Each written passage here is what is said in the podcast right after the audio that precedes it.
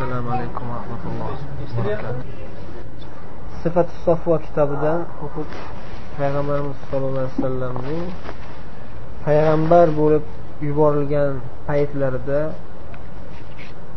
shaytonlarga qarshi osmon e, yulduzlari hujum qilish haqida shu mavzuga kelib to'xtagandik payg'ambarimiz sallallohu alayhi vasallam o'tgan darslarda esinglarda bor payg'ambar bo'lishlaridan oldin bir qancha alomatlar belgilar ko'rsatgan alloh taolo payg'ambarimiz o'zlariga ham payg'ambarimiz tanigan boshqa ummatga ham boshqa odamlarga va o'sha paytda yashagan banu isroil ulamolari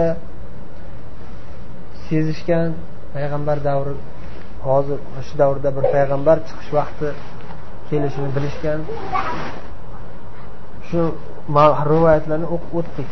Payg'ambarimiz sallallohu alayhi vasallam haqida endi bugungi darsimizda payg'ambarimiz sallallohu alayhi vasallam payg'ambar bo'lib kelgan paytlari ba'zi bir rivoyatlarda tug'ilganlaridan keyin ba'zi bir rivoyatlarda payg'ambar bo'lganlaridan keyin osmondagi jinlarga shuhub osmon yulduzlaridan tosh osmon yulduzlaridan parchalar otilib tosh otilib olov otilib osmondan uzoqlashtirilganligi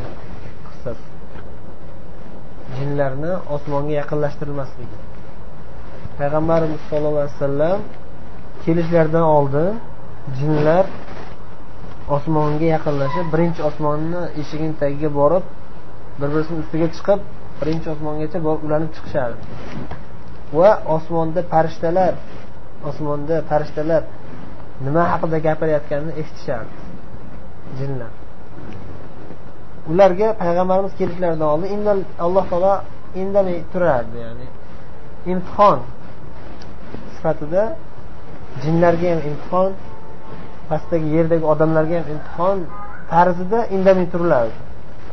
Payg'ambarimiz payg'ambar bo'lib kelganlaridan keyin bu eshik yopilgan.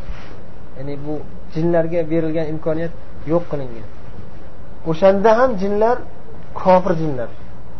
Yana ham kurashavergan kurashavergan vaholanki halokatini o'limini ko'rib tursa ham shu bir narsaga haligi xumor tutib qolganday o'rganib qolganday shu osmondagi vahiydan maloikalar bir birlariga ollohni xabarini aytishayotganidan quloq solib eshitib olib eshitib olishga harakat qilishaverardi.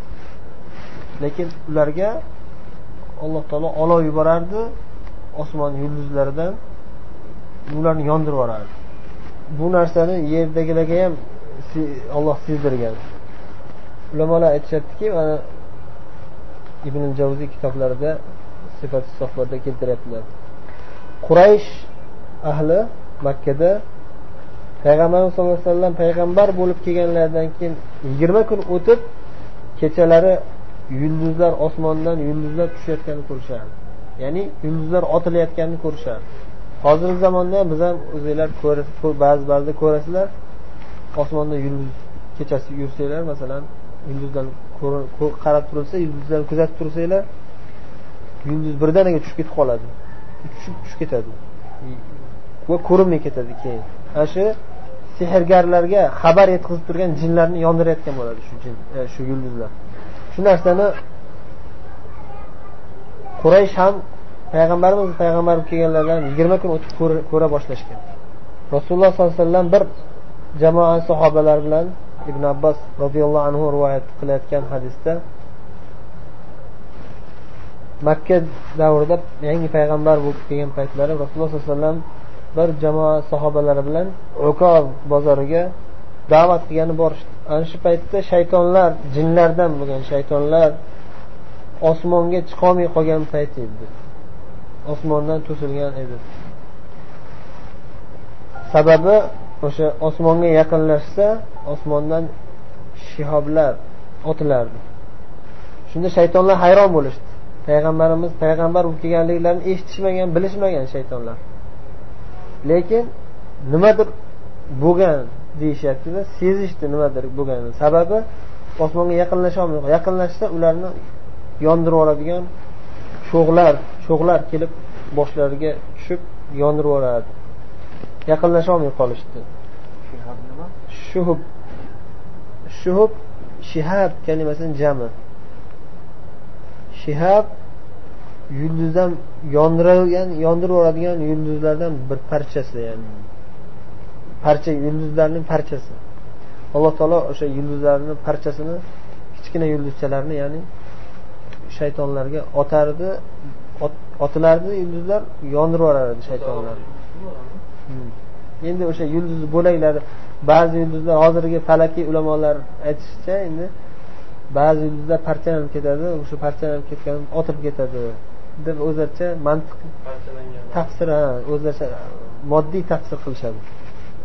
Lekin biz bilamizki bu narsa alloh taoloni taqdiri bilan bo'ladi va alloh taoloni har bir ish hikmat bilan shu hikmatlardan biri o'sha shaytonlarni yondirib yuborish shunda shaytonlar aytishadiki bir narsa bo'lgan bir voqea bir yangi o'zgarish bor.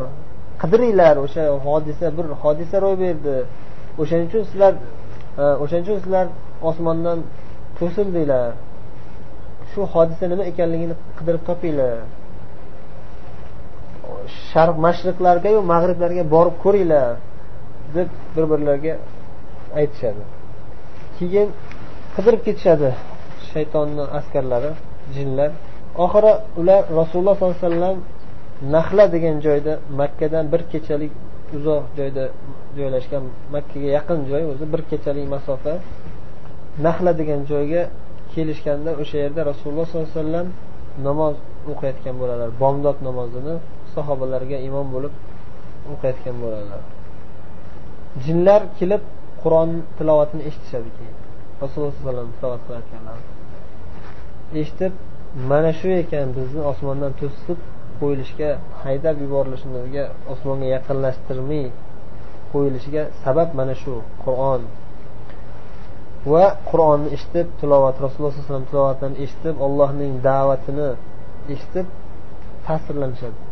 o'sha kelgan jinlar va iymon keltirishadi darrov o'sha toifa jin islomga kirib iymon keltirib aytishadiki inna sami'na qur'anan ajaba jin surasida alloh taolo ular haqida xabar bergan قل أوحي إلي أنه استمع نفر من الجن فقالوا إنا سمعنا قرآنا عجبا يهدي إلى الرشد فآمنا به ولن نشرك بربنا أحدا deb aytishadi. Bir birlarini islomga da'vat qilib islomga kirib va qavmlariga o'zlarini boshqa jin qavmlariga borib da'vat qilishadi.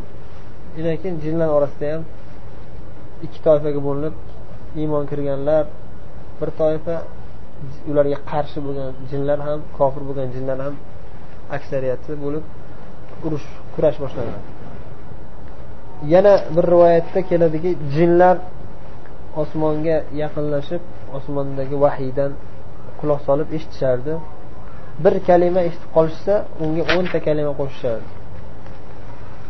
Undan keyingisi ham yana o'nta qo'shadi. Undan keyingisi oxiri yuzta bitta gapga bitta haq sodiq xabarga yuzta yolg'on gap qo'shib yuboriladi. To sehrgarga kelguncha. Sehrgar ham o'zicha keyin ha ular ham o'zlaricha tartiblab bo'yab boshqalarga keyin xabar berishadi. Ichidan bittasi to'g'ri chiqib qoladi keyin. Bitta ikkitasi ya'ni bu yerda maqsad yolg'oni ko'p bo'ladi. Sehrgarlar jinlardan olayotgan xabarida albatta yolg'oni ko'p bo'ladi va bitta bitta yuztadan bitta bittasi to'g'ri chiqib qoladi. Sababi o'sha osmondan eshitib olgan xabari endi bu o'sha payg'ambarimiz davrlarida to'xtagan haligi aytganimizdek. Alloh taolo payg'ambarimizga vahiy qila boshlaganda bu narsani yo'lini butunlay to'sgan. Payg'ambarimiz vafot qilganlaridan keyin yana ularga yo'l ochilgan.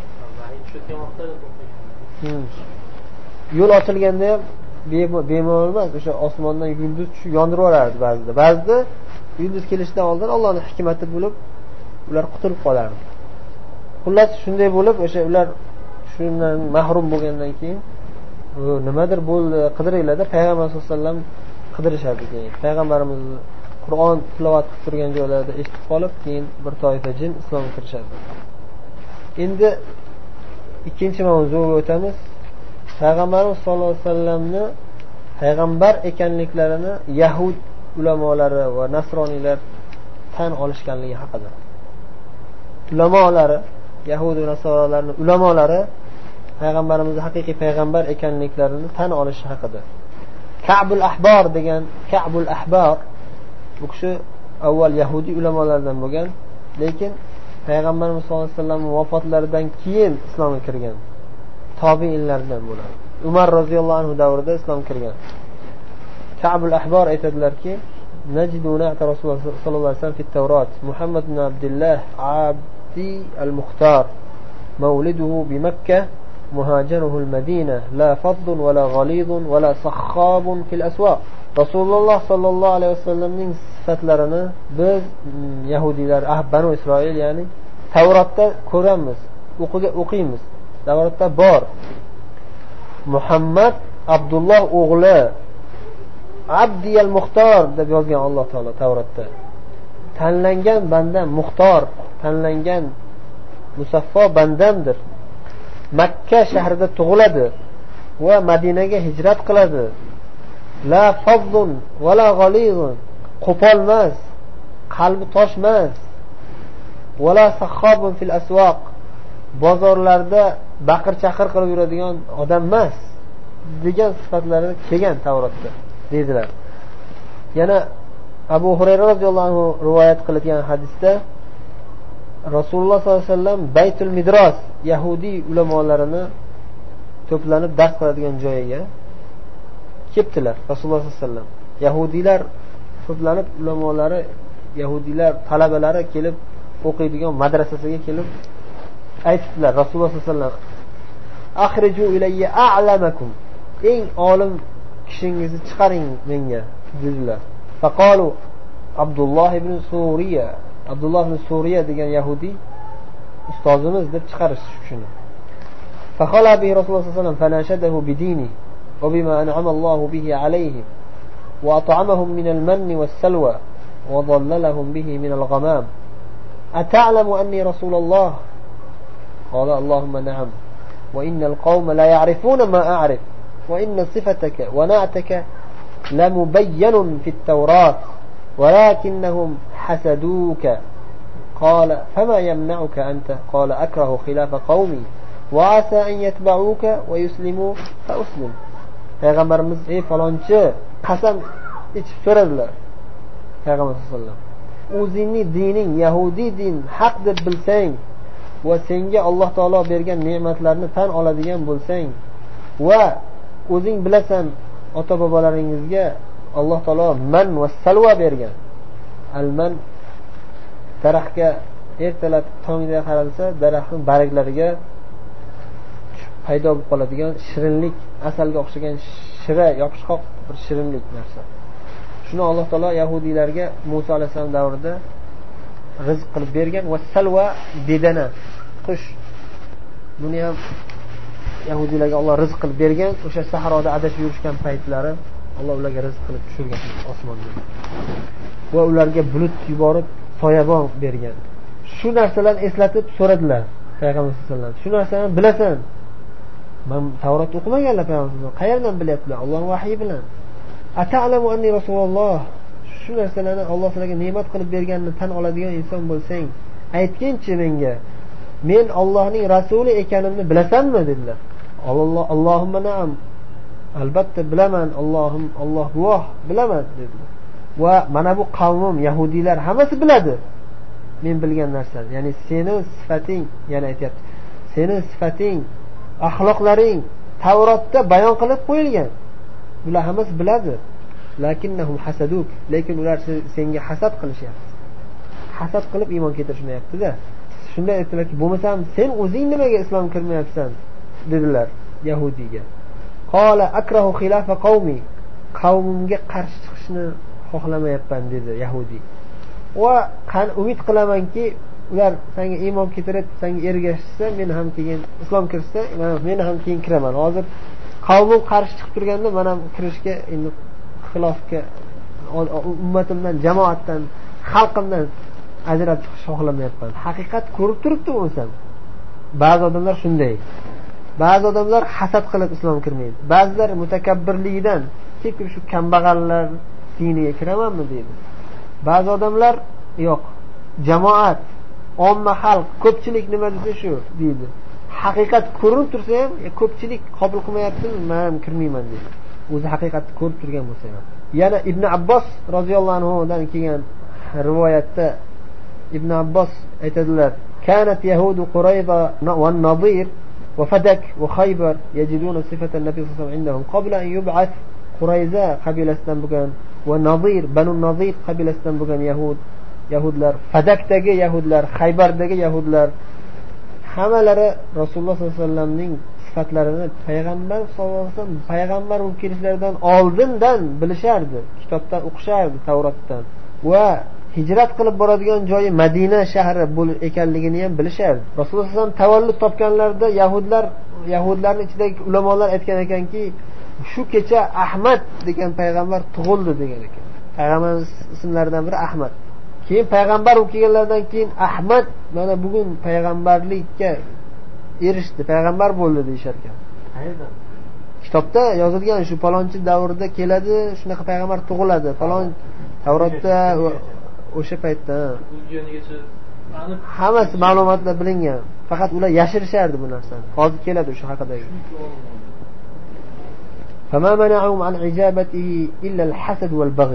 payg'ambarimiz shunday batafsil ma'lumotlarni bilishardi ammo lekin hasad va bag'iy ya'ni tajovuzkorlik mutakabbirlik ularni payg'ambarimizga ijobat qilishdan qobul payg'ambarimizni oldilariga dinni qabul qilib kelishdan to'sardi.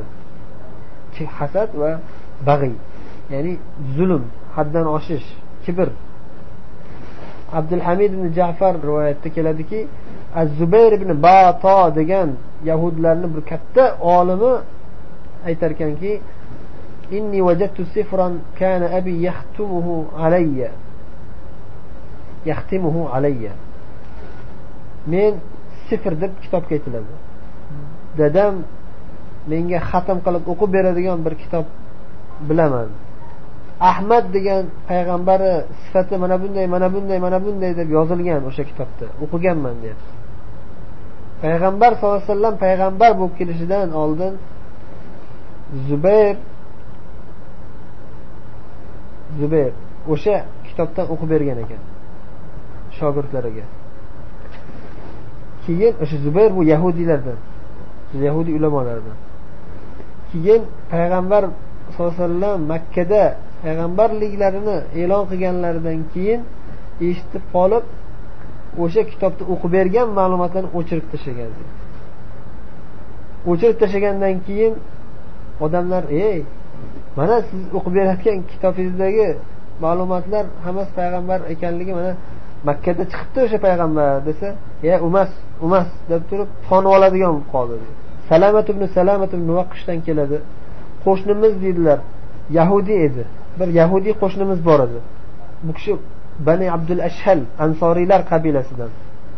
Bani abdul ashhal ansoriy qabilalarini ichida eng mashhur eng ulug' qismidan.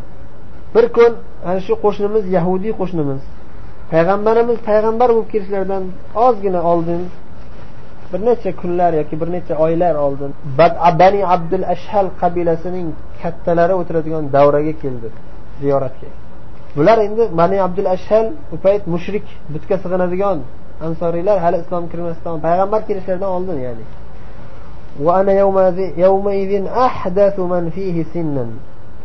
U kishi aytyaptilar salama roziyallohu anhu aytyaptilar. O'sha kuni man eng yosh yigit o'sha qavm qabila ichida bani abdulashar ichida eng yosh yigit men edim. O'sha yahudiy bizni majlisimizga davramizga kelib qiyomat kunini qayta tirilish keyin hisob kitoblarni aytdi xabarini berdi. Qiyomat bo'ladi ey odamlar ko'zinglarni ochinglar qiyomat bo'ladi dedi. Qayta tirilasizlar hisob kitob bo'ladi tarozi bor jannat bor do'zax bor dedi. Maviza qildi haligi yahudiy biz mushrik ahlimiz butlarga sig'inadigan jamoa o'limdan keyin qayta tirilishga ishonmaydigan jamoa shunda jamoa o'sha odamlar aytishdiki voy haka ey falan qurib ketgur ey falonchi yahudiyga aytishyapti ترى هذا كائنا أن الناس يبعثون بعد موتهم إلى دار فيها جنة ونار odamlar hozir o'lib qaytadan yana bir olamga borib u olamda bir qismi do'zaxga bir qismi jannatga ketadi deysanmi qayta tiriladi odamlar deysanmi qilgan qilgan amallariga o'sha qiyomatda jazolanadilar deb o'ylaysanmi shunaqa deb davo qilasanmi deyapti والذي يحلف به يود أن له بحظه من تلك النار أعظم تنور في الدنيا يحمونه ثم يدخلونه إياه فيطبقونه عليه وأن ينجو من تلك النار غدا kuni bo'ladi deyapti haligi yahudiy payg'ambar kelishlaridan oldin payg'ambarimiz kelishlaridan oldin da'vat qilyapti. Qiyomat kuni keladi. Qasam ichiladigan zotga qasam ichib aytamanki kofir kimsa o'sha kuni qiyomat kuni deydi. O'sha qiyomatdagi do'zaxdan qutulish uchun qaniydi narigi dunyoda ya'ni bu dunyo hozirgi dunyoda eng katta tan dunyodagi eng katta tandirni qizdirib keyin o'sha kofir kimsani shunga solib kuydirib ustini yopib kuydirib o'sha yerda o'ldirishsayu do'zaxga tushmasa edi deb umid qiladi. Ya'ni qiyomat kuni kofir kimsa shunday deb umid qilar ekan. Qaniydi shu dunyoda mani kuydirib yondirib yo'q qilib yuborishsa? Mayli. Oxiratdagi do'zaxga tushmasam bo'ldi. Qaniydi shunday bo'lsa deb umid qiladi deyapti. Yahudiy da'vat qilyapti. Hujjating nima? Shu aytayotgan davolaringga belgi hujjat oyat bormi? Mana bu shaharlar tarafidan bir payg'ambar yuboriladi. Payg'ambar keladi deyapti. Makka makka shahriga ishora qilib aytyapti. Makka shahriga yahudiy payg'ambarimiz chiqishlaridan oldin makka shahriga ishora qilib aytadiki mana shu shahar tarafdan bir payg'ambar chiqadi yaqinda dedi. Qachon chiqadi? desa fanazara ilayya men yosh yigit edim deyaptilar. Menga qarab turib aytyaptiki إن يستنفد هذا الغلام عمره يدركه. agar mana bu yosh yigitcha umrini oxirigacha yashasa o'sha payg'ambarni topadi o'sha payg'ambar davrida yashaydi shu ya'ni ozgina qoldi deyaptida yaqinda chiqadi u payg'ambar keyin salama aytyaptilar shu o'sha o'sha yigit rivoyat hadis qilayotgan kishi فوالله ما ذهب الليل والنهار حتى بعث الله تعالى رسول الله صلى الله عليه وسلم وهو حي بين أظهرنا فآمنا به وكفر به بغيا وحسدا. الله كقسم كي ديبت سلمة رضي الله عنه. كيشة كندز أتمد كب كب كن أتمد كنلر كيشة لر أزغن كيشة لر أتمد أزغن كن أتمد alloh taolo rasululloh sollallohu alayhi vasallam muhammad ibn abdullohni payg'ambar qilib yubordi. Va ana shu odam haligi yahudiy qo'shnimiz ham tirik edi. Oramizda yashayotgan tirik holida edi. Biz iymon keltirdik u kofir bo'ldi. Nima uchun? Bag'yan va hasadan. Hasad qilib kibr qilib tug'yonga ketib iymon kelmadi. Faqulna biz o'shanda u odamga aytdikki ya fulan vaylak alastallazi qulta lana ey palonchi xuddi shu payg'ambar chiqadi deb aytyapma aytmaganmiding bizga? Desa yo payg'ambar chiqadi aytgandim lekin bu emas u deyapti muso hamma aytgan sifatlari e, to'ppa to'g'ri kelib mos kelyapti. Faqat tan olmayapti. Bu emas bu emas deyapti. Alloh o'zi asrasin. Kibr hasad judayam yomon narsa shaytonni nima kofir qildi? Shayton ham kibrlandi. Odamga sig'inaman sajda qilaman olloh buyuryapti bo'lmasa alloh taolo hammamizni kibru hasaddan saqlasin. Kibrlanib hasadlanib shayton ham haqiqatni qabul qilmagan. Mana bu yerda yahudiylar ham shunday. Shuning uchun yahudiylarni mag'bubi alayhim deb sifatlangan allohni ularga g'azabi tushgan kimsalar. Chunki alimul haqqi va yu'minu haqiqatni bildilar lekin iymon keltirmadilar. Endi uchinchi mavzuga o'tamiz. Rasululloh sollallohu alayhi vasallam odamlarni islomga da'vat qila boshlashlari. Payg'ambar bo'ldilar va jinlar osmondan uzoqlashtirib haydaldi va payg'ambar sallallohu alayhi vasallam da'vatni boshladilar. Faqat avvalgi uch yilda maxfiy da'vat al da'va sirriya al marhala sirriya sir maxfiy da'vat qilish bosqichi edi.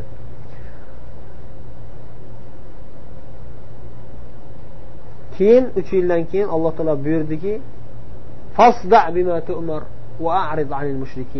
olloh senga buyurayotgan buyruqlarni ochiq oydin e'lon qilgin va mushriklardan yuz o'girgin dedi alloh taolo. Shundan keyin ochiq da'vatga o'tdilar.